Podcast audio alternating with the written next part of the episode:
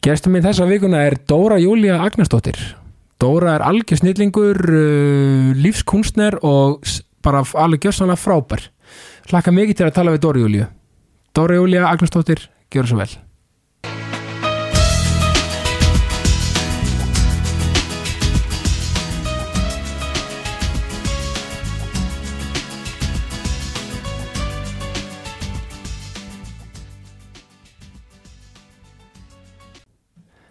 Dóra Júlia Agnarsdóttir, velkomin í ákastið. Takk fyrir elsku Krissi minn, vákaði gaman að vera komin Sömleið, þetta bara takk fyrir að koma.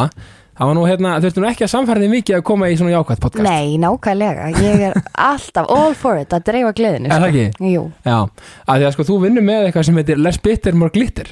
já, já, mór glittir les bitter Já, já, já, já. Tattu er að ég ná mig Þú veist með að tattúað. Já, að sé vikið. já, það var svona uh, mjög kvatvís ákvörðun en ég er líka bara svolítið kvatvís Já, já, sko það er líka sko, þú veist, hvaðvist er, vil ég menna, góð á flestanhátt. Já, akkurat. Og ég er svolítið líka, sko, Já, þó svo maður getur kannski svona farið í smá ógöndu stundum með það, einmitt en maður bara gera það rétt, sko. Nákvæmlega, maður er svona, þegar, sko, eftir því sem maður þroskast meira þá lærir maður betur en á Já, myndi ég einmitt. segja Alveg sammála því, sko.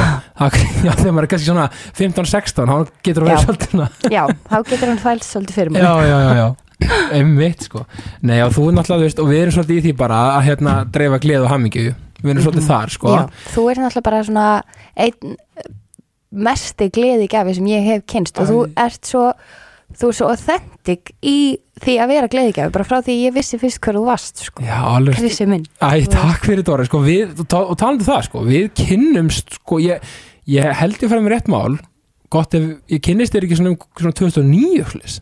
Jú, kynnist 2009, Já. ég held það já, Já. þá bara eitthvað svona hérna var maður alltaf eitthvað svona á laugaveginum Já, og á hérna austuvelli og eitthvað og svo voru alltaf hæ, Hæ, ást og já. friður Já. það var svo geggjað já, svo voru, einmitt, mentaskóla, það var svo mikið Já. í gangi á þessu tíma, þetta var skemmtilegt, sko. Einmitt, og svo er ég náttúrulega í Hátex og þú í Einmitt, Þannig ég held að ég Nei, ég var í Austó.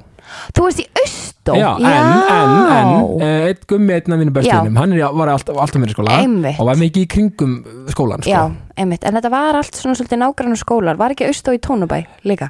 Nei, sko, Austó var með sitt eigið í Já, 101, já, en ég, var, ég var oft í tónabæ, sko. Einmitt, það var Já. the place. Emmitt, og rauninni, sko, sko, já, þú, það er líka nokkur samilið vinir, sko, sem ég á líka, Já, uh, eins og Davíð, vinni þinn, og, og, og fleiri, sem eru líka Já, vinni mínir, og, ég, að ég var í ármúla, sko. já, einmitt. Og svo frábæri strákar veit gott fólk. Alveg, sko, þetta er alltaf snild, sko, tím 100, Sjátt á Dabba Þór já, ákvæðlega, og 108 bara Já, póstnúmerið, sko. já, nákvæmlega Sko, og talandu um það, því við erum komin í svona gamla tíma, Já, sko, fyrsta spurning sem við spyr alla alltaf að, já, þú veist, hver er Dóra Júlia. Agnarsdóttir? einmitt Það er að segja, sko, ég veit alveg hvað þú gerir, sko, Mhm. en svona bara manneskjan Dóra Júlia. Einmitt. Þetta er svolítið skemmtilegt að ég er alltaf að spyrja þessa spurningu Já, já, einmitt, maður er alltaf Í- að finna eitthvað nýtt. Já, þú veist, ég er líka alltaf að spyrja sko, þú veist, þegar ég verið með þætti eða eitthvað, þá er maður alltaf, "Ó, hver erst þú í þínum eigin orðum? Einmitt, Svo ég hugsa, vá, ég veit ekkert hver ég er í mínum eigin orðum. Þú veist, þetta er erfitt, það er erfitt að svara þetta er með hlaðin spurning, sko. Já, þetta er það og Já. líka kannski fer bara eftir dögum hvernig maður lýsir sér, skilur En, um, já, ég myndi segja ég væri svona, uh, ég veit ekki, kannski svona ákveðin lífskunstner, ég er rosalega gaman að því hvað lífið hefur upp á að bjóða og ég er svona, ég verði mjög auðveldlega peppuð og spennt Já, minnst hlutir æðislegir já. um, oft Og það er kannski sko. hvað við sín líka. já, og ég er bara eitthvað, þú veist, við vorum mér fyndi dæmi, ég var með Patriki hæmi út að borða um daginn og hann ákvað að fá sér franskar með bernesósu og mér varst það svo æðislegt að ég var bara eitthvað ó það er geggjað og hann var bara eitthvað Dóra það bregst enginn við franskum svona nema þú sko. Þú bara, hei, koma, þetta er Bernes. já ég var bara bernes og franskar þetta er geðveikt Já, um, þannig ég verð stundum svona, ég veit ekki já, pínur svona bara spenntið við hlutum. Já, bara Já. einhvern veginn eitthvað svona innfalt getur verið svo æðislegt um, þannig ég reyni einhvern veginn svona mér finnst ég undanfæra ár búin að vera einhvern veginn svona á stöðugu uh, já, svona bæði ferðarlegi inn á við, mér finnst rosalega gott að finna gleðina alltaf Já. þú veist, hvað veitir mér gleði, hvað gerir mig hamingju sama og svo er ég bara, þú veist uh, ætli ég sé ekki bara, já, vinkona og systir og dóttir og kærasta og þú veist, allt þetta og hérna á frábæra kæristu sjátt á þetta báru. Já, bara besta. Já. um, þannig að og það hefur náttúrulega mótað mig mjög mikið síðan við byrjum saman og ég myndi segja að við róast rosa mikið líka. Um, svona einhvern veginn inn í mér. Já, og já, ætli ég sé já, ég er bara eitthvað svona hef gaman að lífinu, kýlir rosa mikið á tækifærin, gera oft eitthvað svolítið random og er mikið fyrir að svona augra mér líka. Í ykkur sem ég finnst krefjandi eða óþægilegt, þú veist, þá reyni ég svona, þú veist, ég er oft bara kannski pínu skjálfand á beinum en bara gera það án þess að óhugsa. Það það er svo gott við það já, það er, þú veist, það er hérna. Það er hugur ekki Já, eða þú veist, einmitt, það er svona ykkur svona segla, uh, held ég Já. að, að vera svona, ég er oft meðvitað um bara, já, ég er mjög stressuð fyrir þessu, en ég er samt bara að fara að gera það og þú veist, það er ekki hægt að sjá einhvern veginn fyrir endan á öllu og hugsa allt einhvern veginn, ok, hvernig verður þú veist, ég þarf ekki að hugsa allt sem gæti mögulega farið, Einmitt. þú veist, Einmitt. í því sem maður er að gera og líka svo gott að hugsa sko eins og ég hef nú komið eh, inn og áður hérna í þessu Mhm. podcasti, þú veist, hvað er að versta sem getur gæst Já, já, nákvæmlega bara eitthvað klikkar alltaf áfram gakk næsta mál einmitt, það er svolítið áhugavert hérna, Guðrún Ír Eifjör sönguna einu sinni við mig og núna er hún eða veist, við þorfið svona þegar hún er kannski að fara að gigga eitthvað eða eitthvað þá hugsa hún frekar, þú veist ok, hvernig ætla, hvernig ætla ég að bregðast við því sem gæti fyrir úrskeiðis, í staðan fyrir að hugsa ok, en hvað ef eitthvað fyrir úrskeiðis, hvað ef eitthvað þú veist, þá Já. bara, ok, þá er ég bara eitthvað haha, hei, allir, þú veist Akkurat. þetta gerðist, þetta er allt í lagi, það er allt í góði og öllum og bara, þú veist þá ætla ég bara að vera róleg, þannig ég er líka svona svolítið, mér finnst það mjög gott við þurfa að tilenga sér, sko. Mjög gott og þetta er svolítið bara hugsaði löstum en ekki vandamálum sko. nákvæmlega, það er nefnilega það. Það auðveldar lífið svolítið mikið. En auðvitað er það hægar sagt en gert, það er ekki alltaf hægt að hugsa í lausnum, sko. Nei, nei, stundu bara að fókast hlutnir upp. Og, og, og það er bara svo það er. En, en þá er samt þetta hugafar sem maður getur tilíka sér sko að vera bara svona, ok.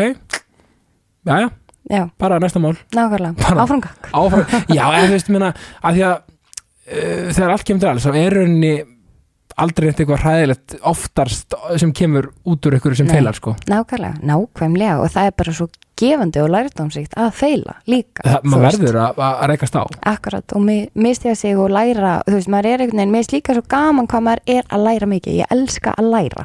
Já, bara að læra nýja hluti, skilja eitthvað nýtt og svona svolítið breyta kannski um viðhorf, þú veist, sem að tengist þið líka kannski að augra sér smá. Þú veist, maður er ekkert, maður fæðist ekki með fast mótaðar hugmyndir um allt og það er alltaf einhvern veginn svona, heyrðu, ok, ég sé að ég þarf aðeins að endur skoða þetta. Einmitt. veist, ég þarf aðeins að hugsa þetta upp á nýtt og vá hvað maður læri mikið af fólkinu kringum sig líka. Emmitt og bara fólkinu út í samfélaginu sko. nákvæmlega, þú veist, og það er mjög gott að vera svolítið gaggrinn á, já, samfélagið og sjálfa sig. Já, e- og einmitt. Vera með svolítið gaggrinna hugsun stundum ég held að það sé gott, af því að þú veist Já.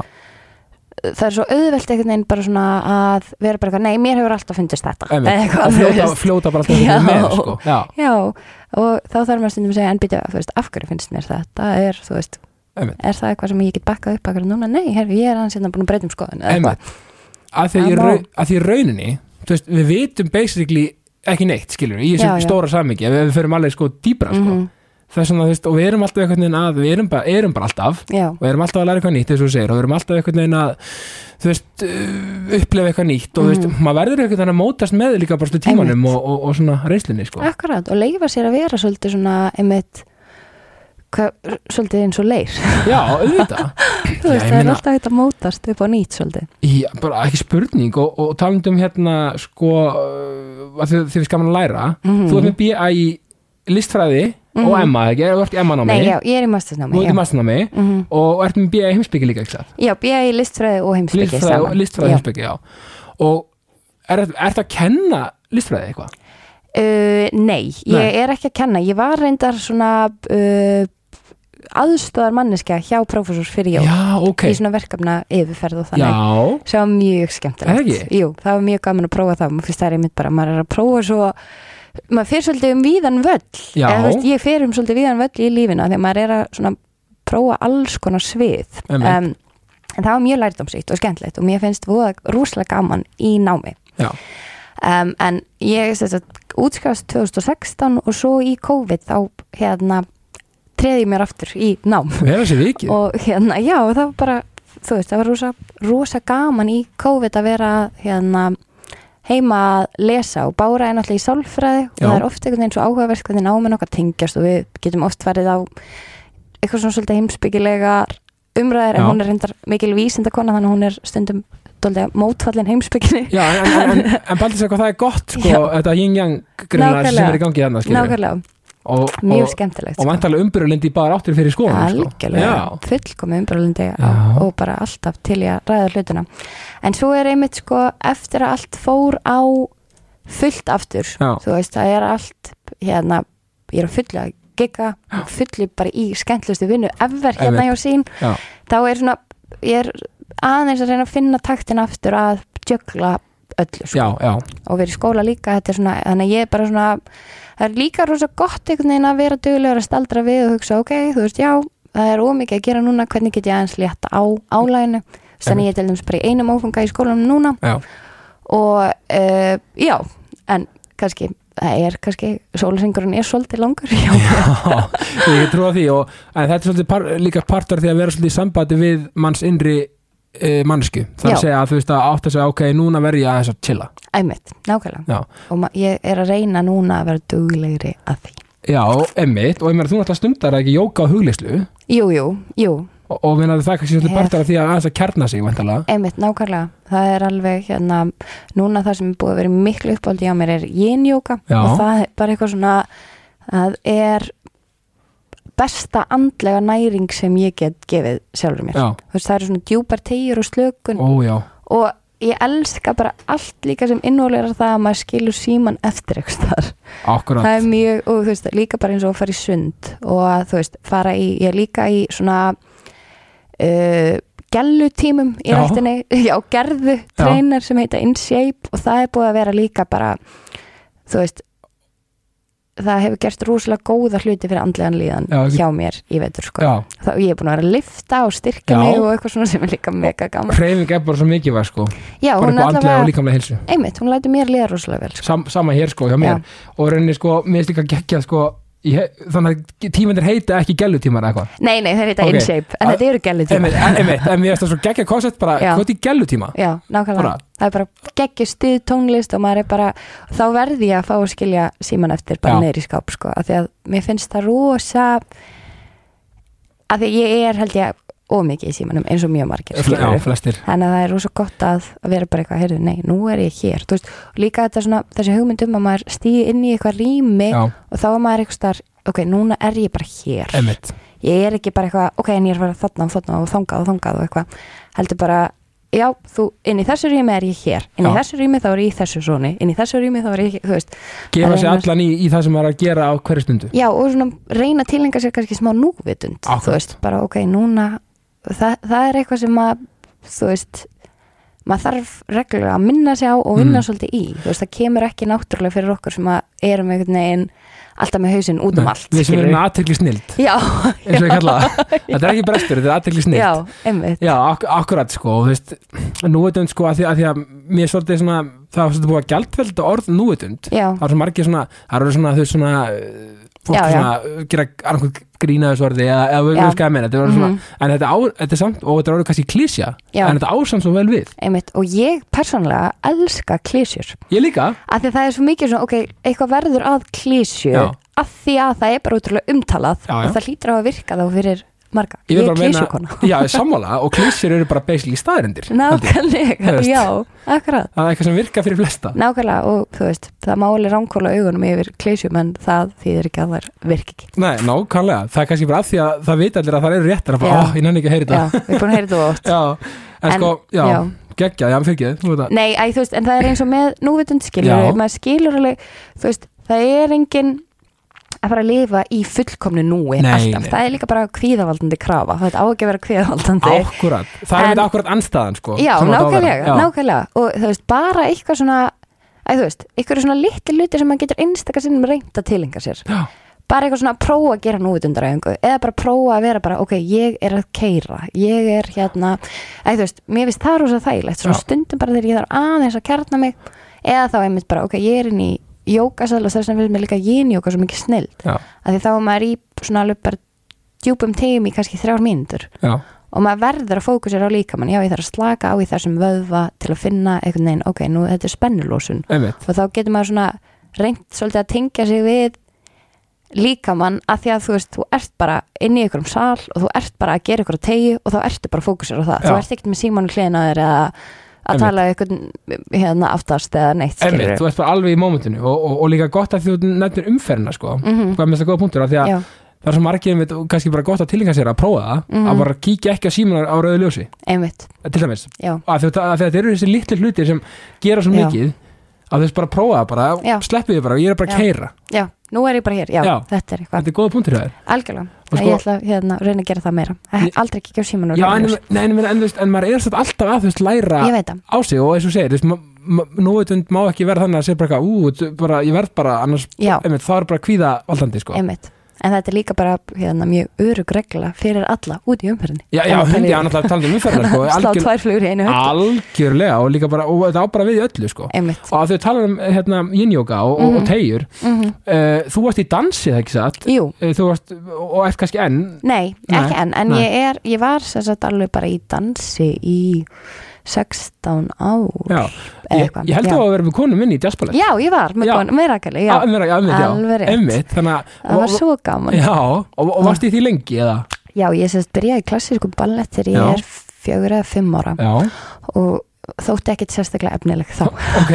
Ég var svolítið svona óþekk held ég fyrir ballettina. Því að maður átti að vera ros, þú veist, þetta er svolítið svona öguð já, já, Agasport, já, sko. þessi þessi, þessi, já, þessi plain, þessi ballettin já, já, já, ballettin og, og svona ég var svolítið mikið svona eitthvað uh, já, það átti ekki við því kannski? Nei, ég var bara mjög virkt Já, barn, getur við sagt. Um, En hérna, samt þú veist, fannst mér svo gaman Mér fannst svo gaman einhvern veginn þessi samblanda af tónlist og svona fáaðri reyfingu og að sína og, og hérna hann er svo elegant ballettin sko. Já, beautiful Já. listform sko, já, já, og íþrótt. Um, Svo þegar ég er nýjára þá fer ég, ég var í ballett bara þannig til ég var nýjára Já. og bara það var rúslega góður grunnur Já. lagður þar. Og svo fer ég í JSB ég fer man bara eftir í fyrsta jazzballett tímanum mínum. Þetta var bara það skemmtilegast sem ég hafði gert á nákvæmlega. Þannig ég var í JSB í tíu ár og útskrifast sérst, fer svo þegar ég er í menturskóla og tekið með náminu listansbraut í JSB já, og Cool. útskrifast þaðan. Og eftir það fer ég aðeins í hérna, dansstudio vörklass, bæði að æfa og kenna, ég verið að kenna alveg bara svona, þú veist, ég veit ekki, örgulega yfir, já, þú veist langt yfir hundrað stelpum sko, Já, þú veist, ok. í mismunandi hópum, örgulega 200 stelpum eða eitthvað, þú veist, og hvernig dans var það? síðana það var svona jazzballett pínu hip-hop, já, svona street jazz eitthvað, en svona kannski sem ég var að kenna var aðalega jazzballett já, sko já, og náttúrulega ég sé svo mikið snill það með svo fjölbreyta hérna danstíma Já. og alls konar eitthvað og var hjá Stellur Rósenkamp sem að ég bara dyrka út af lífinu Já. Þannig að það var ótrúlega gaman, ég var alveg að kenna í fjögur árið eitthvað, það er mjög fyndið núna þú veist, þá var maður svo mikið að spila á hérna, menturskólaböllum Já. og meiri sér sko, það er meiri sér stelpur sem eru byrjar í háskóla sem ég var að kenna dans. Og ég er bara, oh my god Já. vá, þú veist, ég, við vorum bara börnin mín 12 bara, ára í, já. veist, þannig að það er mjög, þú veist, mjög gaman, það er mjög gefandi að hafa fengið að kenna krökkum dans. Og þetta er rosalega gefandi sport Já. og ég býr rosalega vel að því. Þú veist, liðleikin fylgir manni alltaf til dæmis. Einmitt.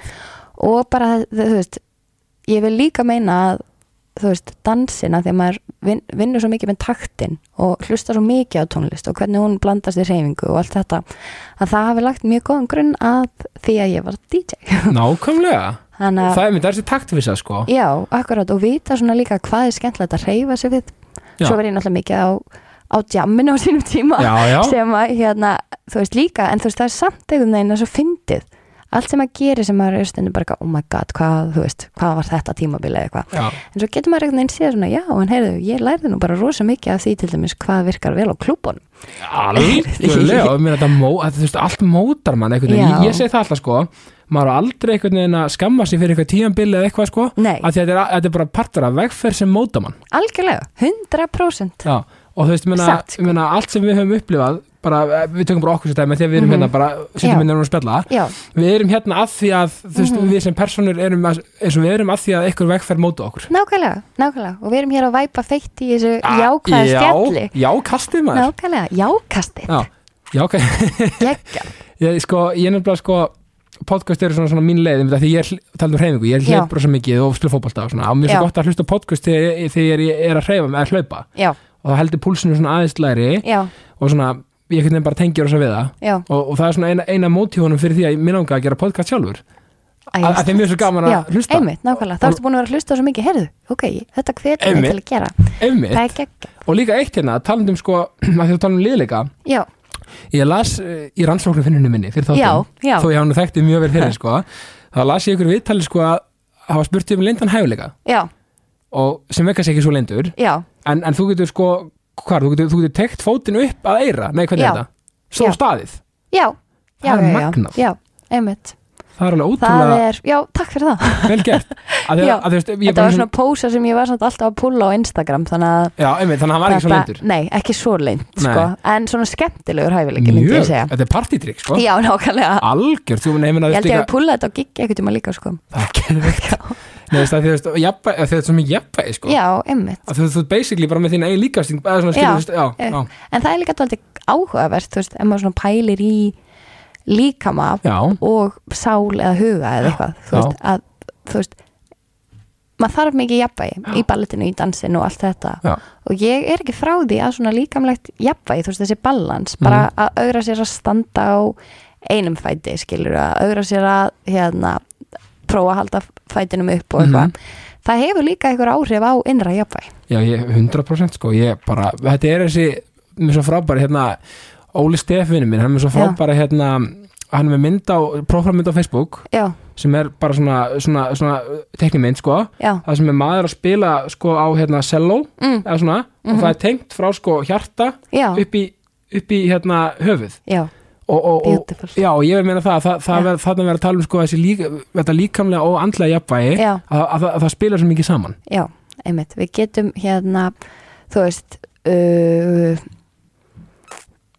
já, við getum hérna oft einhvern veginn reynt að hafa svolítið hafa tengslinn svolítið Já. þar á milli sko. Akkur, það, já, en auðvitað er það samt meismöndi ég meina, það er líka hættulegt að segja þú veist, já, við þurfum ef við erum í jafnvægi andlega þá erum við í jafnvægi líkamlega eða skilur, það er bara auðvitað á það alls ekki. Nei, ég er alls ekki að meina það sko. Nei, nei, og ég er mjög mótfallin svona þannig yfirlýsingum Já, sko.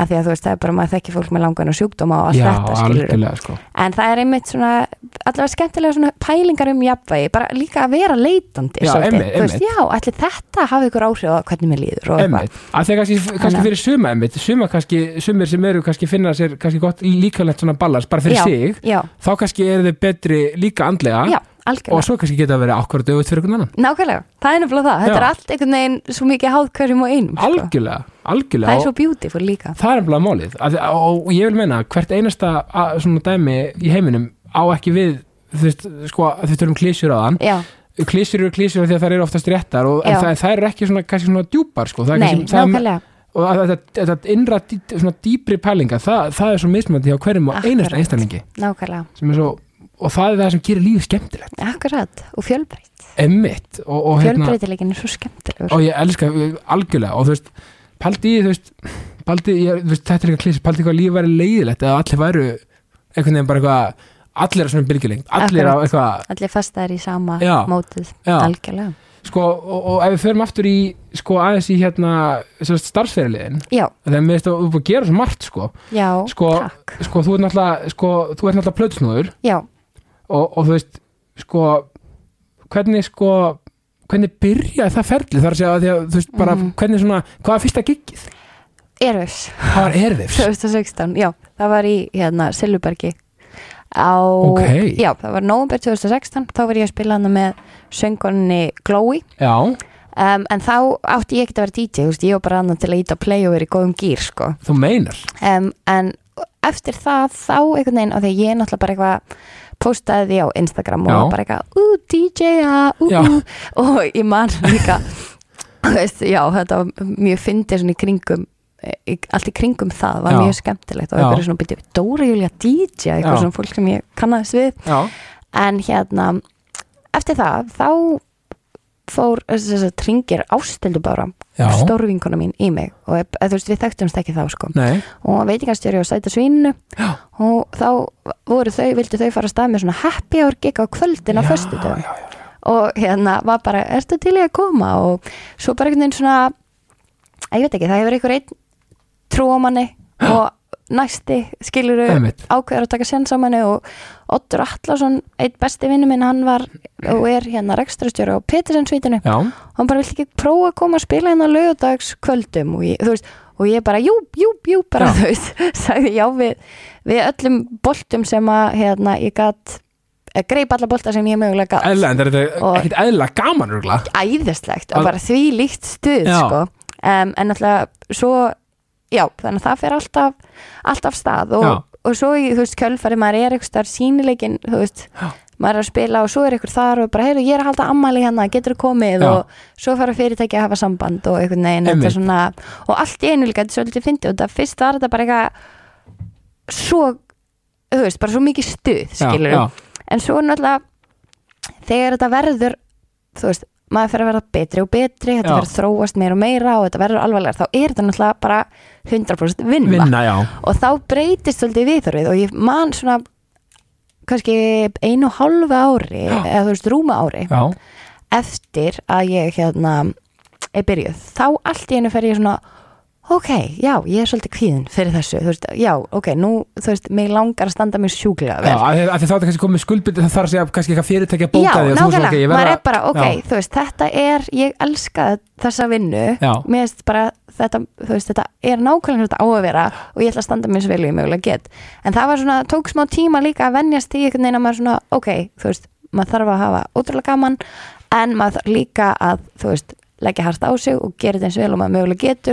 og ég þurfti að finna smá svona milliveg, af því að um tíma þá var ég bara eitthvað, oh my god, ég verði að vera fullkomin þetta verður að vera æðislega, en það er svona eitthvað sem að, ákveðin kunst það sko. líka svo, þegar maður verði líka svo mikið veist, það er eitthvað, og maður hugsa, ok, það er eitthvað fyrirtæki Já. sem leggur sig og vill fá mig. Já, og út af, út af því bara ég er ekki, skilur við en, en, þú veist, en, en svo einhvern veginn við kemur þetta svona, ok, þá er ég að standa mig þú veist, ég verða einhvern veginn að Nákvæmlega, Þú og ég upplifi ennþá, þú veist, ég er alltaf bara svo þakklátt að fólk vilji bóka mig og fólk vilji hérna sjá mig spila og fólk hafi gaman að veist, þetta er bara, þetta er svo ómetanlegt. Að maður er bara, þú veist, ég er alltaf alltaf þakklátt fyrir það og ég skal líka bara votta fyrir það af því að ég er nú farið á nokkra arsvartíðar sem þú ert að spila. Já, og ég var í hérna að hlaupa marathon. Reykjavík marathoninu, það var ekki 2019 Ó, eða- jú. já, þá, power. Það, ég var bara ekki að hlaupa. Herðu, kemur bara ég, ég sé bara vinkunum með að Dóri Júli bara ekki að geða ykkur stuði það, það, gaf mér svo mikið. Og, og bara var skeggjuð og, og á þeim afslutífum sem ég hef verið á sem þú hefur verið að spila þú veist, ég get bara votta fyrir það, bara bókið hana ennþá, bara meira þú veist, af því að, veist, af því að Besti. ég bara ekkert mála, af því að þú ert með svo miklu orku og það sér svo mikið, þú leggur þig svo mikið í verkefnið og það skín að þér gleðin samt í vinnunni, takk fyrir. Það Bara- er bara besta róð sem ég get já, bara ekkert mál og, en, en málið er líka að það er ekkert sjálfgefið. Þú veist, að fólk sé, veist glatt og hafi gaman að því sem það er að gera. Það er náttúrulega mikil forréttindi Já. að, eða þú veist, það er, maður er ekkert smá heppin og mér veist líka einhvern veginn maður þarf að passa sig sko, að það sem ég er svo mikið búin að vera að hugsa núna, því að það er allt á fullu, eins og bara við að skipulega þetta viðtal. Já, já, og maður er alltaf, nei, byrju, getur við fært þetta hérna, nei, byrju, en þú veist, skilur einmitt. þetta er svona að, þú veist, það er eiginlega hver einasti klukkutími vel skipulaði núna Einmitt. hjá mér. Um, og þá er maður svona ok, en maður verður að passa sig að hafa sveigurum til þess að, þú veist, njóta þess skilur Auðvitað. og bara, ok, vá hvað ég þakklátt vá hvað þetta er skemmtilegt, veist, það er svo gefandi einmitt. þannig að ég er svona, já ég mæli með því að gefa sér alltaf sveigurum einhvern veginn til að staldra við og, og finna fyrir, þú veist ef maður hefur eitthvað til að vera þakkláttu fyrir að Já. reyna svona einhvern veginn að minna sig á það og leggja áherslu á það sko. Einmitt, og líka kannski að hveita fólk að reyna kannski að finna sko, þú veist, ef það er kannski ef það er ekki nú sátt, sátt í, í einhverju sem það er að Mhm. gera eða eitthvað skilur ég áttum að því, það er ekki hægt kannski bara að hérna, kalda dag og bara, herru, ég farin að Já. gera eitthvað skilur já, en kannski reyna að finna þá kannski ástriðunni hjá sér mm þú veist, og reyna að finna svona, þú veist, svona kveik, nistan, hvað kveiki já, einmitt og leifa sér einmitt að vera leitandi og Einmitt. hugsa, þú veist, ok hvað er nærandi fyrir mig að gera í dag þú veist, að maður hefur einhvern veginn, já, að reyna að setja sér svolítið í fyrsta sæti sko. einmitt, að þetta, og svo skiptir engum máli sko hvenar þú finnir nistan eða hvenar nei, nei, nei, og þú veist, að, að, þú veist, það er bara algjörlega tímalist akkurat, nákvæmlega. Sem við finna það 15 ára, sem við 30 sem er 65 65, Nákvæmlega, það er nefnilega það, veist, að vera bara, við erum alltaf leitandi og það er bara svo mikið í góður lagi, sko. já, Það er ekkert sem heitir einhvern veginn, þú veist, lífið er ekki bein lína, sko. nei, nákvæmlega það er, þetta er frábæð punktur, það er ekki bein lína þetta er, við erum alltaf, alltaf svona, þetta er svona, þetta er svona eins og hérna, svona hjartalínuritt Já, nákvæmlega, nákvæmlega upp og niður, upp og niður, upp og niður og við lærum ótrúlega mikið af flest öllu sko. Emmitt, sko þú hefur sko, svo ertu náttúrulega nýbúin að vera með sérst sjóast-serju Já, sem var geggjuð, þetta reddast við, já. við horfum, við vorum límdi skjáin. Æ, það var svo krútlit, ég var að spila í kringlunum daginn. Já, og kom hérna stelpa og sagði við mig ég hérna prófaði að elda alla réttina í þetta reddast og ég var bara æ, sorry. Ég er ekki vissum að allir hafi verið en vonandi hún gert það kannski betur en ég í nokkrum þáttum Ég en mér varst það æðislegt sko. Það var- svo sætt. Þetta- þú veist, þessi þáttu var bara eitthvað, þú veist, við bara, þú veist, hann var ógæslega skemmtilegur og þú veist, þetta var bara gleði og Mm. bara gleði og glimmur og hammingja, sko. Nákvæmlega og alveg æðislega ómetanleg trún og vá hvað það var gaman að, að fá þessa gesti til mín sko. Já, þetta var líka, ég fílaði, sko, þetta var svo skemmtilegt þú, þú, valdir svo ótrúlega fjölbreytt og skemmtilega viðmælendur, sko. Það var bara það var bara þvílík heppni að fá þetta fólk til að koma að spjalla um Já, sko, mér finnst það yndislegt. Og þetta var fyrsta sjóaskiki svona sem þú ert með Já, sjálf kannski, já, mikið rétt, já, já. Vel, þessi vikið og, Takk. það er eitthvað annað í pípunum? Maður kannski ekki segja frá því en svona- það er bara alltaf eitthvað spennandi í eitthvað, pípunum sko. og það er bara þegar maður er að vinna hér hjá skemmtilegasta bara vinnustað í öllum heiminum. Uh, preach it to the choir sko. já, þá er bara þú veist, það er veginn, það er svo mikið svona frjóar hugmyndir og mikið af skemmtilegum hérna samræðum, mér finnst allir fundir áhugaverður og skemmtilegir já, og það er bara rosa mikið af hérna spennandi hlutum, það er bara veistla að mæti vinnun okkur, Já. veist Ég- finnst mér. ég, ég sammála þér að því að líka þessi vinnist að býða bara upp á svona mikið tækifinn nákvæmlega, og allir einhvern veginn mér finnst svona jákvæðin vera svolítið í fyrirrúmi líka Algjörlega. sem er já, og allir opnir líka? Nákvæðlega, fyrir, nákvæðlega fyrir nýju? Svo er ég náttúrulega búin að vera að gera vefþætti líka á vísi já, sem heita kunst. Emmitt sem eru svona myndlista spjall og það árúslega vel við mig að því ég náttúrulega einmitt er að uh, klára, eða þú veist, er í Já. listfræði master og það er bara svo mikið af íslensku listafólki að gera svo áhugaverð og skemmtilega hluti.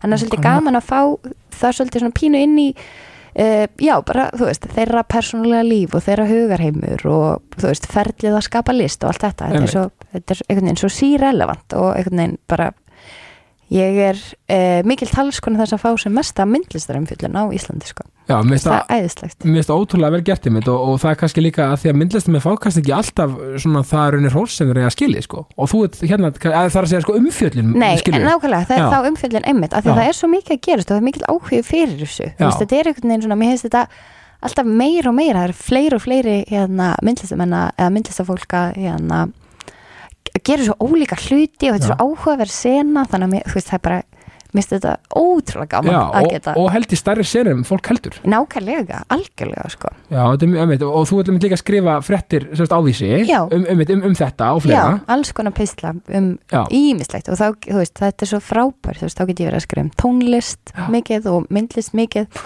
alls konar menningu, Já. líka bara svona skemmtilegu, persónulegu viðtöl Ömmit, ég er með líka fastan leið sem myndir innblásturinn sem er Einmitt. mjög, þú veist, það er svona að fá pínu innsýn inn í, sko, hvernig fólk lúir að sinni andlegu heilsu og hvað veitir þeim innblástur, svona Einmitt. ólíkir einstaklingar og hérna tískar líka, alltaf Já. mjög skemmtilega ömmit þannig að það er, þú veist þetta er allt einhvern veginn bara að fá að vinna við það sem maður hefur áhuga á eru bara, bara, veist, það er bara lífið. Já, bara bara, wow forréttindi sko. Svo, svo, svo, Nákvæmlega. svo, ertu, sko þú varst á K100 með Já. hérna topplistan á ljósapunktin já, á sinni tíma og Já, frábært. Svo, og já. svo, svo ertu komið núna með íslenska listan á FM já, sem er alveg briljant konsept já svo skemmtilegt. Og það er alveg frábært, þú veist líka að svo skrifa ég alltaf pistil vikulega út frá íslenska listanum þannig, að- og það er líka bara meikar náttúrulega fullkomin sens fyrir mig að vera alltaf involverið í því sem er að gerast í tónlistinu hverju sinni. Veist, það er svo gaman að vera eitthvað, já býtu, ok, þetta hérna lag er líklegt til vinsalda og, og þetta lag er að koma svolítið stertinn á lista þannig að það er greinlega mikill áhugi í samfélaginu fyrir því. Einmitt, og þú, þú verður en að vera með svolítið putan á púlsinu það er krúsjál, sko. Sem því svona þetta plötusnúður nákvæmlega, mér svo tafa sér plötusnúður, mér finnst það geggja orð sko. Plutusnúður, amma mín sagði alltaf plutusnúður það er snill. Þú varst með hlaðvarp? Já, uh, í 101 radio. Já, þannig byrjaði það er svona upphafið á uh, fjölmiðla vinnunni minni, já, þá, hérna, það er svona mitt fyrsta skref inn í fjölmiðla heimin var Já. þetta podcast Radio Shadora. Já, þú segir þetta Shadora? Já, þetta er fransé Fransé, Já. hérna uh, á 101 Mhm. það var ótrúlega gaman. Þá var ég með vikur að þetta og ég held ég hef tekið upp 41 podcast. Vel gert. Sem var bara mjög hérna uh, skemmtilegt. Yfir árið, yfir árið 2019 Já. og svo uh, fer ég á K100 eftir það. Já. og var að vinna með gleði gjáðanum Sigga Gunnars sem var já, og svo kem ég hingað síðasta haust. Þannig að þetta hefur verið í svona rosa skemmtilegu flæði og maður Já. hefur náð að prófa alls konar.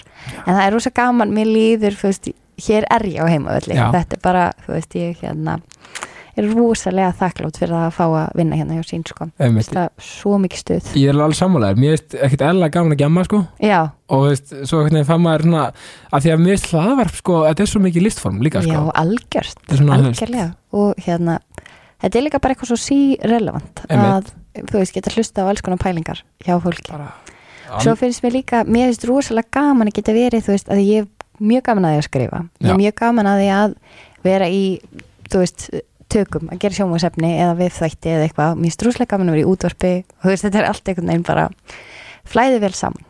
Já, nákvæmlega og sko, þú ert sko ertu hérna sko, þú ert sko, þú líka lýsir svo upp daginn að þú ert svo alltaf svo geggjum fötum Takk! eins og nú, nú, nú ertu sko, fólk það sér ekki út í sko, Nei, nei, sko svona neongrænum glimmer samfesting já, sem er geggjaður takk. þú veist og þetta er svona mér er svo cool, þú veist, þú, þú, þú ert svona tísku, hvað, á, á bara að segja íkon? Æ, Ah. takk, Krissi. Já, ekkert mál, nei, þú veist, og, en þetta er sko, þú veist, það er svo gaman, ég elska líka bara þegar fólk bara finnur sinn stíl Já, já, já, einmitt. og þú veist, og þú er náttúrulega bara þú pælir mikið í tísku eða ekki og þú ert Jú. mikið að, Jú, algjörlega. Og hérna stíl er líka eitthvað sem að hérna þú veist, getur verið síbreytilegur. Og það fer maður í gegnum alls konar tímabil og maður er alltaf kannski eitthvað já, heyrðu, ég ætla aðeins að augra mér hér og prófa eitthvað nýtt eða eitthvað, Mhm. en ég hef náttúrulega alltaf, þú veist, náðu svolítið að tjá mig með klæðabörði og mér finnst rosalega gaman að komast í betra skap út frá því í hverju ég er. Og meina- litir gera rosa mikið fyrir mig. Þannig að ég er mjög hérna, mér finnst rosa gaman að hafa bara fullkomið frelsi til Einmitt. að klæðast í sem ég langar til sko. já, líka svo gaman, þú veist, eins og þú ert að DJ þú veist, að, þú veist, það er að, þú veist, þú ert svo sko, þú ert svo litríkur DJ, að því að, því þú veist, sumir eru, þú veist, svona þú veist, margir, þú veist, eh, þú veist er ekkert endilega að leggja á sig, sko, að, að þú veist, endilega að klæðabururinn sé svona að endurspekla, sko, þú veist, já, já, hver manneskin er. Einmitt. En þú veist, þú bara mæti bara með glimmerið og bara, hérna og svo er líka með svo flott ljósasjó í kring, sko. Og hérna kannirun, kísirun, fyrir já, þau eru geggjuð. Einmitt þetta er svona ég hugsa þetta svolítið sem svona kannir, þau eru- mjög stærri, já en það er samt close.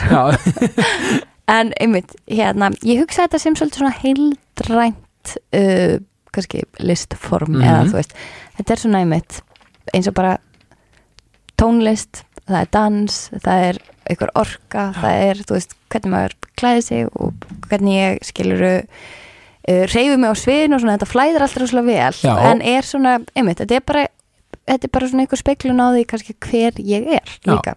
Og, og, og þarna séru líka, þarna ekki með vinnan sem hún leggur í þetta. Já, einmitt, þú veist, og, og kannski, þú veist, að því að, því að þú veist, menna, þetta er útpælt skilur, þú veist, að, að því að þú veist menna, þú veist, sumir kannski halda að plötusnúða mæti bara og bara mæti og spili bara, Já, að þetta er alveg bara massíf, þú veist, svona, svona koreograf og vinna, þú veist. Einmitt, mikil undirbúningur Mikill og- undirbúningur. en svo er maður náttúrulega einmitt, það er alveg þetta, þetta er heilmikil vinna. Og Já. það eru mjög margir einmitt sem að líka bara tónlistafólk og alls konar listafólk þú veist, Mhm. það er oft einhvern veginn svona gerst ráð fyrir að sé bara alltaf ógæstum mikið stuð og bara whoop whoop og eitthvað en þú veist, þetta er bara að fer rosalegur tími í bara öll listform skilur og Alveg- þetta er náttúrulega einmitt, bara mikil vinna Já, algjörlega, líka því að sko þeir sem eru í svona að fronta og eru, eru hérna, já, tónlistafólk, listamenn og, og allt þetta og, og svona openber, þú veist mm. Það fer svo mikið líka, sko, það sem fólk kannski átt að segja það fer svo mikil orka í það, sko, líka að vera bara að performa. Algjörlega. Og það getur verið svolítið svona líjandi andlega kemur heim bara, maður bara, bara, vá, þetta var eh, eh, veist, ekki erfitt gig en bara svona, Já, mað, maður er alltaf að, að hérna, gefa svolítið mikið af sér Já, og það já. er svona, þú veist það er samt einhvern veginn sem að mér finnst svolítið gott til dæmis bara með, með tískuna og með Mhm. heyrnutólinu og allt þetta sem hefur virkað fyrir mig, bara persónulega já, er að þú veist, stundum er maður kannski ekki þó maður sé almennt bara mjög jákvæður og kannski lífsglaður Já, þá er maður ekkert alltaf í banastöði Auðvitað það er bara, það er bara lífið. Nákvæmlega, það er bara lífið og maður verður að vera líka í tengingu við sig skilurum og sína tilfinningar hverju sinni. Mm. en það hjálpar svo mikið að því að þú veist þetta er svona ok, nú er ég að fara í vinnuna og ég fer í hérna í þennan gýr og þú veist klæði mig í smá svona þennan, þessa útgáfa af mér skilur Einmitt. um, og það, þú veist það gerir útrúlega mikið líka fyrir sálina þú veist, það Já. er maður bara wú upp á sviði og þú veist, stundum gengur ekki vel eða þú veist, það kemur alveg fyrir að maður er einhvern veginn ok, ég var ekki í banastöði á þessu gigi og það er alltaf lagi, Já, þú veist. En lang, lang, lang oftast er ég bara ó, mér, þá finnst mér bara ósla gaman. Og það eru bara einhver veist, það eru svo mikil forrættindi og mér finnst ég svo ótrúlega heppin. Þú veist, bæði bara að hafa fengið þetta tækifæri að vera bókuð svona mikið að fá að sinna þessu starfi ég er bara, þú veist, ómyndanlega Já. þakklátt fyrir það. Einmitt, og líka, líka veist, þetta, og þetta líka sem þetta podcast snýst aðeins um sko. Það er þetta sko, þú veist, einmitt, þetta, þessi jákvæðni og þetta allt saman sko sem, sem gerir okkur hamingjusum og glöð og allt þetta, mm en það er líka þessi realismi að því að fólk Já. sko, þú veist, það verður að vera þetta andlega balans á milli og að fólk átti sig á því bara, ja, ok ég er ekki alveg í stuði í dag. -hmm. en þá þarf maður ekkert heldur að sökka eitthvað lengra. Nei, það er bara allt í lagi. Nákvæmlega. Og maður er ekkert að skamma sig fyrir það heldur. einmitt, það er svo ótrúlega góðu punktur. Svona, og það er líka svolítið gott einhvern veginn svona, ok, ég, ég finn fyrir þessu já, ég ætla bara að finna fyrir og leifa, leifa sér bara, finna fyrir nákvæmlega, það þarf ekki að alls, og veist, ég held líka kannski að sumir allt að þú veist, þeir sem eru kannski úber jákvæðir, bara Mhm. eins og þú ert. Já, svo já. mikið svona, bara, þú veist ég hugsa bara jákvæðni, því já, ég en þú veist, það þýðir samt ekki að þú finnir ekki fyrir því sem þú finnur fyrir, skilur að þeir líka til að kunna að meta og upplefa svona stert finnst mér svona jákvæðir tilfinningar þá verður maður að vera í tengslu við hinnar bara algjörlega, ég meina eins og ég hef sagt ég hérna, veist, ég bara er alltaf í minni sjálfsvinnu, sko, út frá, Já. út frá því ég mi- missi pappi minn ungur og, og hérna, bara alls konar eruleika sem ég hef dýrað við. Og, og, og ég, er rauninni bara það heppin og, að hafa fundið hjá sjálfum mér að finna svona, svona rauninni, ég er mjög opið með tilfinningar minnar en, en þú veist bara og, og, og, Rakel Kormin hefur verið bara klættur minn í því, þú veist, Já. við bara ræðum saman málinn og ég græt bara og, og Mhm. tjáum mig og allt þetta. Einmitt, þú veist, að, því- að þú veist, skilur og ég bara búin að finna mér svona, minn, svona mína svona leið í því. Og, bara þannig að fólk bara átti sig á því þú veist, eins og segir, þetta er ekki alltaf bara eitthvað bara eitthvað, bara, bara æbæti hrersleiki, sko. Já, nákvæmlega og það er líka þessi, þessi dýft og þessi svona þessi samræður og þessi tenging við alls konar tilfinningar veginn, það er líka svo uppbyggjalegt og fallegt, veist, það er, svona, það er svo gefandi. Gullfallt að gráta, gullfallt að vera bara stundum líka bara að vera reyð sko, ég, er nefnilega tek stundum mína reyð, ekki reyði en svona, svona, svona stímið. Og bara ég er að spila fótbolta eða eitthvað. Eitthvað svo leið já, Þú veist, og ég bara raunni temmi það að kunna að, að nýta það á Já. réttum mómentum. Ég er ekkert eitthvað reyður á vellinu en bara svona, svona, Já. svona action bara svona, Já. já, smá Já. svona, já, einmitt, svona, keppniskap það er líka, það er svolítið svona eldmóður stundum að vera eitthvað, bara vil ekki tapa eitthvað Já. svona, ákvörðat æ, þú veist, maður það bara leifa sér að upplifa allan tilfinningaskalan og eins og þú segir, leifa því að koma út. Nákvæmlega, á þess að vera kannski eitthvað sparki hluti eða eitthvað, já, já. Þú veist, Nei, í ykkur reyðskasti kannski á þarfi, já, ekki nema að sé enginn í kringu því langi þá er það bara já, það er allt í lagi þá bara gerir það, en sko talandum, hérna, sko, þú er náttúrulega ferðast mikið, jú, rosa mikið. Og, og hefur verið, sko, þú sko það sem ég hjó eftir sko sérstaklega enga eigu í Karabíahafinu fyrir Richard Branson já, sem, sem á, á eða átti Virgin Airlines. Já, nákvæmlega. Hvernig kom það til? Ef, tjáðu um það eitthvað? Já, já, já, ég hef hérna rætt þetta hérna nokkru sinnum en það er þetta svona þú veist, þetta er eitthvað sem að ég held að gerist aldrei aftur og Nei. er mjög já, þetta er náttúrulega mjög eftirminnilegt og var alveg svona, veist, þetta var svona wow, byrju, er þetta að gerast, gerist þetta? Já, en ég bara spila á Íslandi fyrir hóp af frábæri fólki Mhm. meðal annars Íslandingum og sagt fleirum frá bandaríkjunum. Mm og þau eru með svona partí og eru að vinna rosalega skemmtilegu verkefni á Íslandi og eru með svona partí á ströndinu fyrir utan höfn í hotnaferði og það er svona svart, svart strönd og verðildur og ég er DJ og allir eru að dansa og þetta er bara ógislega, ógislega skemmtilegt og þá eru þau bara eitthvað, heyrðu við erum inn að fara og ein konan var hérna eitthvað svona hjálpa til að skipulegja eitthvað svona tech keppni sem var haldin eða sérst úrslitin voru haldin í á hérna Neckar Island. Já, Einars Bransson já, og bara okkur vantar DJ til að halda upp stöðinu og bara ég held að þú verður æðislega og ég bara ok, gæð, þú veist. En var bara einhvern veginn svona ok, ég ætla ekki að gera þú veist, ég ætla ekki að gera minni en að vætningar um þetta. Nei, nei. En svo bara einhvern veginn stuttur síðar er ég bara linkuð í e-maili við konuna sem er að sjá um þetta og hún bara heyrðu, já, bara við bókum fyrir þig. Og, og ég, hérna já, þannig að var, þetta var svakalegt sko, ég var hann í þú veist, fjóra daga eða eitthvað. Og þú veist, ég held ég að við, þetta var rosalegt ferðalag. Um, bara ég ein og þetta var mjög einhvern veginn, já alveg magnað sko. Já, og mjög skemmtilegt þú veist, tækifæri. Þetta var maður bara býtu, er þetta að gerast, er ég bara hér? Hann það sérðu, hann það kemur sko hérna, orkar sem þú svona, hérna, býður upp á mm. og, og sem þú svona, svona reytir af þér Æ, veist, og, og karmað skilur Se- ég er bara að trúa því að sko, að ka- karma sér um sína. Já, já, og veist, að segja og þú þannig að setur eitthvað út og færð Mm. tilbaka svo mikið sko. já, já, einmitt og maður, þú veist, er rosalega heppin að einhvern veginn hafa geta lent í alls konar aðstæði með fólki sem að leiðir af sér eitthvað svona frábært tækifæri, Einmitt. það er bara já, truly blessed. Einnig, það er bara forréttindi. já, Bara- mjög, þú veist, ég meina þetta er náttúrulega bara ruggluð forréttindi og líka bara, þú veist, að, að hérna, spila okkur enga í karpiska þetta er svo súrealist og sko, ég man í COVID líka þá var maður bara svona sund sem að maður hafi gerst og upplifað, þá var ég alveg bara svona mér líður eins og mér hafi dreymt þetta, skilur þetta Já. var eitthvað svo svona og sko, þú mátt aldrei horfa tilbaka og maður má nefnilega gera það líka, þetta er góð punktur og vera svolítið stoltur af sjálfum sér. Já, já, algjörlega. Svo, þetta var vel gert. Já,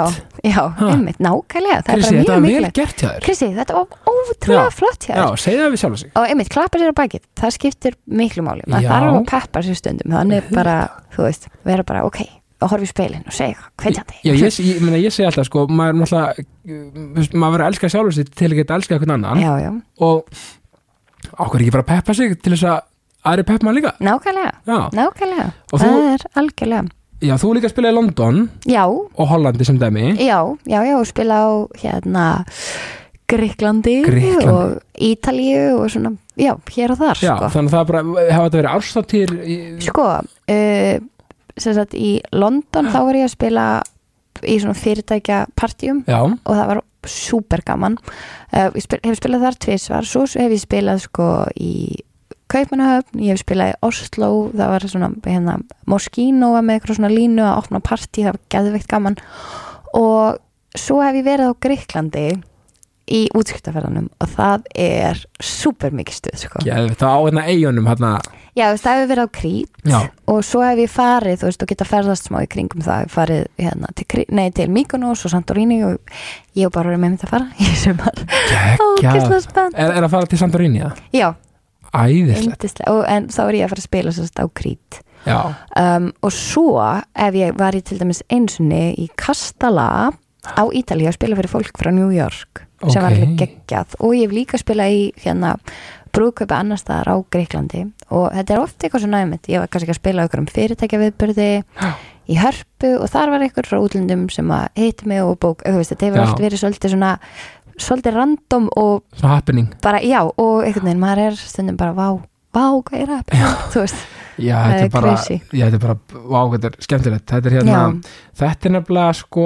ég get ímyndað mér að þetta sé svona líka svolítið svona svona, uh, svona hvað segir maður? Svona gulrótin í þessu að fá að spila úti og svona Já, ferðast til, að, til að vinna þú veist. einmitt. Þetta er alveg hérna, þú veist bara þrjusu skemmtilegt, svakaleg ævintýri sem að hérna vinnan hefur leitt mig í og það er sko ótrúlega gaman Já. en það er líka áhugavert einhvern veginn að því maður er svona, já, bara hefur verið að gangi gegnum ímislegt á þessum árum og er svona bara alls konar sjálfsvinnu og einhvern veginn svona endurskoðan á hlutunum og breytingar á lífunum og eitthvað eða á lífinu og Já. hérna á saman tíma einhvern veginn verið að ferðast í ykkur svona þú veist bara eitthvað, já ég er að fara hérna í karabíska hafið að spila og þú veist maður eigður svo miklum tíma með, með sjálfur, eða þú veist ég hef eitt svo miklum tíma með sjálfur mér bara í ferðalögum og svona Mhm. Og það er líka eitthvað, ég, þú veist ég elska að vera í flugvél. Af því ég elska þetta svona svolítið svona tímaleysi maður er smá í lausu lofti og það er oft einhvern veginn bara nettingingin er ömulega eitthvað, þú veist, þannig að maður getur ekkert verið í símanum. Nei, og þá er maður bara einhvern veginn svona þú veist, að bara skrifa í bók eitthvað svona hugsanur og fara í gegnum það sem er, þetta er rosalega therapeutic. Bara fara í gegnum það hvernig maður líður Já. í lausulofti eitthvað way up in the sky. Þannig að það hefur verið mjög skemmtilegu hluti af þessi líka. Að ferðast svona en svo líka, þú veist, upplifum maður alveg að vera svolítið einmanna, skilur já, já, já. þannig að það var einhvern veginn ég er mjög spennt að þú veist að maður er svolítið líka svolítið að finna sig upp á nýtt núna í svona bara fallegu og góðu sambandi sem að ég vona að verði bara þú veist forever já, já. um, og einhvern veginn að máta sig í já, ok, þú veist, maður er að tengja eitthvað úr fortíðin eins og að vera að ferðast og gigga og mikið að gera og maður er líka hluti af sambandi og einhverju heild og þú veist, hvernig finnum maður svona já, þetta er svona svolítið ný, ný tímabil já, sko. er þetta ekki jafnvægi milli svona engalifs og vinnu? Jú, nákvæmlega það er, það er hérna verður gaman að finna út úr því Já. veist, á skemmtilegan hátt. Algjörlega og, og, og, og það er alveg áskoru fyrir alla. Nákvæmlega, Það er- nákvæmlega. það er, ekki, það, það, það er meira en að segja Akkurat, og maður þarf líka að muna það einmitt. þetta er áskorun fyrir alla að finna millivegin og ná að þú veist, já, ná að skipuleika lífið. Já, og sinna báðu. Nákvæmlega, að að sko, einmitt, og þetta er, þetta er ótrúlega góða punktur og ég held að ég held að margir líka vannmeti með þetta, já, þetta jafnvægi, það er að segja Já. að finna það sko. Nákvæmlega. Bara, "Ja, þetta er ekkert máli, bara, maður Já. bara ekki fyrir hérna og svona, þú veist, nei, þetta er ekki alveg svona að vilja meina einfalt, þú verður að leggja þú veist, hjarta þetta og sál í bæði. Einmitt, nákvæmlega. Já, sko er eitthvað eitt atvik sem hefur svona mótað þessum persónu hvað mest? Um, Nei. Bara svona sem, nei, Sko, ég held að ég get ekki valið eitthvað, eitthvað þegar þetta nákvæmlega, þú veist, það er ímislegt sem hefur gerst Já, í gegnum lífið. Já. og ímislegt sem að maður hefur einhvern veginn gengið í gegnum. Um, það er náttúrulega ég myndi segja akkurat núna það mótaði mér rosalega mikið að verða ástfangina báru, Já. þú veist, fyrir það hérna, hver ég er í dag. Og hún hefur líka mótað, eða þú veist, það er svo gaman einhvern veginn að þú veist, mér finnst ég hafa lært svo mikið af henni. Og mér finnst við, við erum svo, þú veist við erum mjög mótandi held ég fyrir hver aðra því við erum alltaf einhvern veginn að, tala saman um alls konar hluti og svona já, heyrðu þú veist, mér finnst þeim á þetta, hvað finnst þér með þetta? Og já, ég skil þinn, þinn punkt og ég læri eitthvað af þér og þú getur kannski einhvern veginn lært eitthvað af mér og allt þetta. Er líka auðvitað bara bestu, vi, bestu Já, nákvæmlega. skilur veist, og, það er svo fallegt, það er eins og ég með konu minni, veist, að vera, veist, hjónaband og vera bestu vinnir, já, það er bara beautiful. Það best. En svo hefur líka, þú veist, bara í gegnum tíðina auðvitað, þú veist, það hefur ímislegt móta mann, til dæmis eitthvað svona, þú veist að kannski hafa verið að skera sig úr og ekki aðtekli þegar maður var yngri og haf, þú veist, hafa þurft kannski að líða svolítið fyrir það og vera pínu tekin fyrir og þú veist, sem úlingur og, og hérna bara í, í gegnum þau ár, þú veist, að svolítið svona þurfa að standa með sér og hafa trú á sér skiluru, þrátt fyrir það að kannski fólk sé alltaf að reyna að gera lítið úr manni eða eitthvað. Það hefur líka mótað mér rosalega mikið. Einmitt. þú veist, aðeins einn svona, ok, þú veist hægt og rólega standa uppi fyrir sjálfur mér, skilur og, og svona læra einhvern veginn, læra inn á sjálfa sig og taka plás og allt þetta skilur, Já, það hefur verið bara mjög svona já, það ég held bara eins og við höfum verið að ræðum skilur, Mhm. allt sem maður lendir í lífinu hefur rúslega mótandi áhrif Já. mismótandi skiluru og svo kannski svona læri maður meira og meira að hugsa ok, hvað vil ég að hafi áhrif á mig og hvað ekki um, en maður er bara einhvern veginn samansapna af lifari reynslu Já. skiluru Einmitt. og það er svo geggjað að því að við, þú veist, að fá að upplifa alls konar í lífinu, sumt ömurlegt sem að maður, þú veist, auðvitað það er ekki hægt að finna tilgangi öllu sem maður lendir í skiluru en mjög mikið hefur einhvern veginn svona mjög mikið einhverju svona sem var erfitt og yfirþyrmandi og þú veist, sumt sem að maður bara einhvern veginn skildi ekki hvernig maður gat komist í gegnum það hafði bara mest mótandi áhrif á það hver maður er í dag og þú veist, hefur styrt mann líka skilur og þú mátt vera ótrúlega stolt af því að, að því að það er bara alls ekkert grín að lendi því sem einhvern ung manneskja að fá mikið mögulega já, þú veist, þú veist það er bara alls er ekkert grín og það að standa í lappirnar bara er ótrúlegt, í, í þannig er bara Já. ótrúlegt hugrekki og, og mátt vera ótrúlega stolt af því. Æ, takk, bara þannig að það sé bara sagt sko. já, og, það, og það, það, er, held, það er ekkert sjálfgefið heldur að, að fólk sko, komist endilega bara í gegnum það sko, það er að segja bara Já. andlega sko. nei, nei, og það er bara virkilega vel gert og, og, og, og, sko, og, og einmitt, eins og þú segir, þetta er allt þessi vegferð sko, og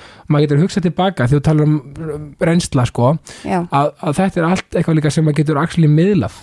Einmitt. Þar að segja til, til ykkur sem er að lendi í upplifa það sama veist, algjörlega og það er svo algjörlega. ótrúlega dýrmætt einmitt og það er líka þá, veist, það er gott að þú veist, minn um vita að þú veist, til dæmis bara það að allt er svo hverfilt og tímabundið, Mhm. skilur þannig að þú veist, það er kannski, ok, maður er að gangi gegnum eitthvað erfitt eða það er eitthvað bara, þú veist mann líður ekki vel með sjálfa sig að því að það er endalustur að segja manni að þú veist, það er verið að gera grína manni eða láta manni líða eins og maður sé fáránlegur eða fyrir eða eitthvað skilur Mhm. en svo er maður bara eitthvað, ok, þú veist það er bara gott og ég mæli með því fyrir, Já. þú veist, fólk að bara, ok, en þú veist og sérstaklega að það eru yngri einstaklingar að- hlusta Já.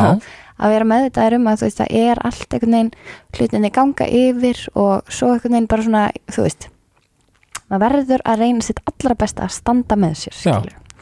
Þannig að það er, það er mín lífsbyggi Já, það er mjög gott og, og líka sko það bara krefst ótrúlegs hugreikis að vera maður sjálfur. Já, minn góður, og, já. og, og standa með sér og, nákvæmlega, og hérna, þótt að einhverjir leiðinda pésar vilji hérna, eitthvað gera lítið um hann eða láta mann heyra það fyrir það sko já. það er það bara þeirra vandamál. Einmitt og svo er bara, þú veist, allir einhvern veginn maður veit ekkert hvað fólk er að díla við og sumir einhvern veginn láta að bitna á stöðum, þú veist, þegar maður er yngri og svona skilur og það er eitthvað sem að maður sér líka kannski núna einhverjar sem voru kannski alveg óbúslega nasti við mig þegar Já. ég var kannski 12-13 ára Mhm. og svo kannski veit maður bara líka núna að, þú veist voru kannski bara að til að við eitthvað já, mjög já, erfitt, nákvæmlega, nákvæmlega. Þannig að maður er svona, en það er samt svolítið vinna stundum að svona afbyggja hugmyndir um sig.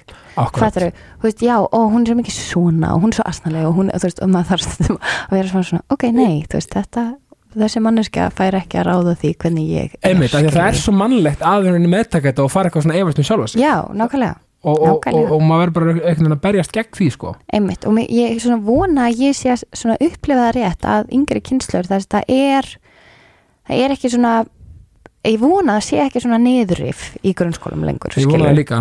Og, og ég held sko að vera, ég heldur þetta allar kynsluðu að segja að unga kynsluðun sé Já, hérna, svona ljósberi já. nýra tíma. En ég held sko, þú veist, bara ég heldur þetta að hafi aldrei verið mikil bylting í öllu og Einmitt. það er akkurat núna. Nákvæmlega, það eru allir að reyna að eiga samtalið sko, og og, það það, skiptir svo miklu máli. Já, og það verðist allir fá pláss líka. Já. sama einhvern veginn, þú veist hvort maður er, þú veist, hérna þú veist, gagkinniður, samkynniður þú veist, hérna, hán eða hvað Já, sem það er. nákvæmlega, þú veist, bara, bara, fjölbreytileikin er að hérna, og við þurfum öll sem samfélag þú veist, það er ekki undir hverjum og einum komið alltaf að búa sér berjast fyrir plássi Nei. við sem samfélag þurfum að, búið til plássið. Já, við þurfum að gera það öll saman, sko, Það er gjör svo vel.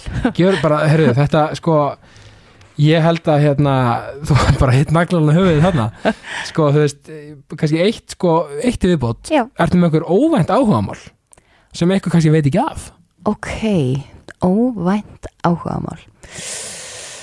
Uh, nei, ég, þú veist, ég er ekki svona, já, ég spila ótrúlega mikið tölvuleiki og enginn veit að neitt í miður.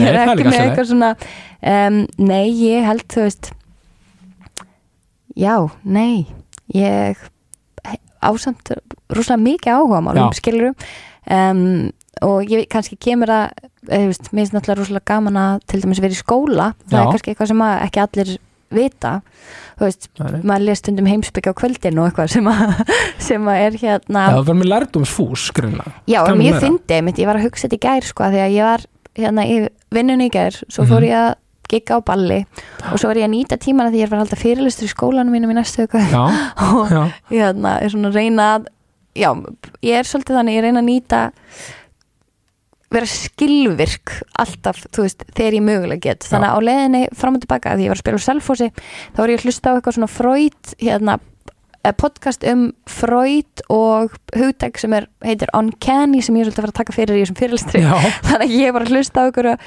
ykkur brestfræði fólk sem sagt, tala um Freud. Já, og meðan ég var að, að hérna, já, þannig að ég var svona eitthvað, já, einmitt þetta, já, þú veist, svona taka inn ykkur á visku þaðan, já. fara svo að gigga á balli og ég hugsaði, þú veist, ok, ég held alveg að, þú veist, ef ykkur myndi koma inn í bíl hjá mér að fá far, þá væri þið bara eitthvað, hvað er Já. að hlusta þú veist, þá myndi þetta, það var svolítið, svo, þetta er svolítið fyndin blanda, Já. þetta líf, skilur líka, veist, ó- ótrúlega fyndi bara góð pæling, sko, kera, þú var gig á balli mm og beint úr Freud. Já, yfir í hérna yfir í eitthvað- Britney Spears. Já, já, já, er, og það er svo geggja við þetta líf, að það er allt, allt hægt og til í nákvæmlega, nákvæmlega. Er því alveg- lík fjölbreytni sem líði getur verið sko. Já, það er svo gaman sko. Nákvæmlega, Er eitthvað í lokin, er eitthvað Já. svona kvartning út í daginn fyrir Já. fólk? Bara svona sem þú vilt bara, bara breyða út bara, bara núna, bara segja hei, bara, bara, pá bara sko, go for it. sko. náttúrulega smá svona það sem við vorum að tala um Einmitt. að þú veist, standa með sér, vera með sér í, í liði og svona. En svo held ég líka að sé bara mjög gott að bara þegar þú þarft dragðu djúpa andan, vertu með þér í liði og bara stundum verður maður líka bara einhvern veginn að leifa sér bara ok, nú ætlum ég að taka smá bara gleði session og skrifa niður það sem lætur mig líða vel og hlusta á Já, bara láttu það eftir vá, þetta er, þetta er bara, bara þetta var negla Dóra, takk kærlega fyrir komin í jákastið takk sem við leiðis, takk fyrir að fá mig. bara mínir ánægjan og, og ég enda alltaf á að segja ást og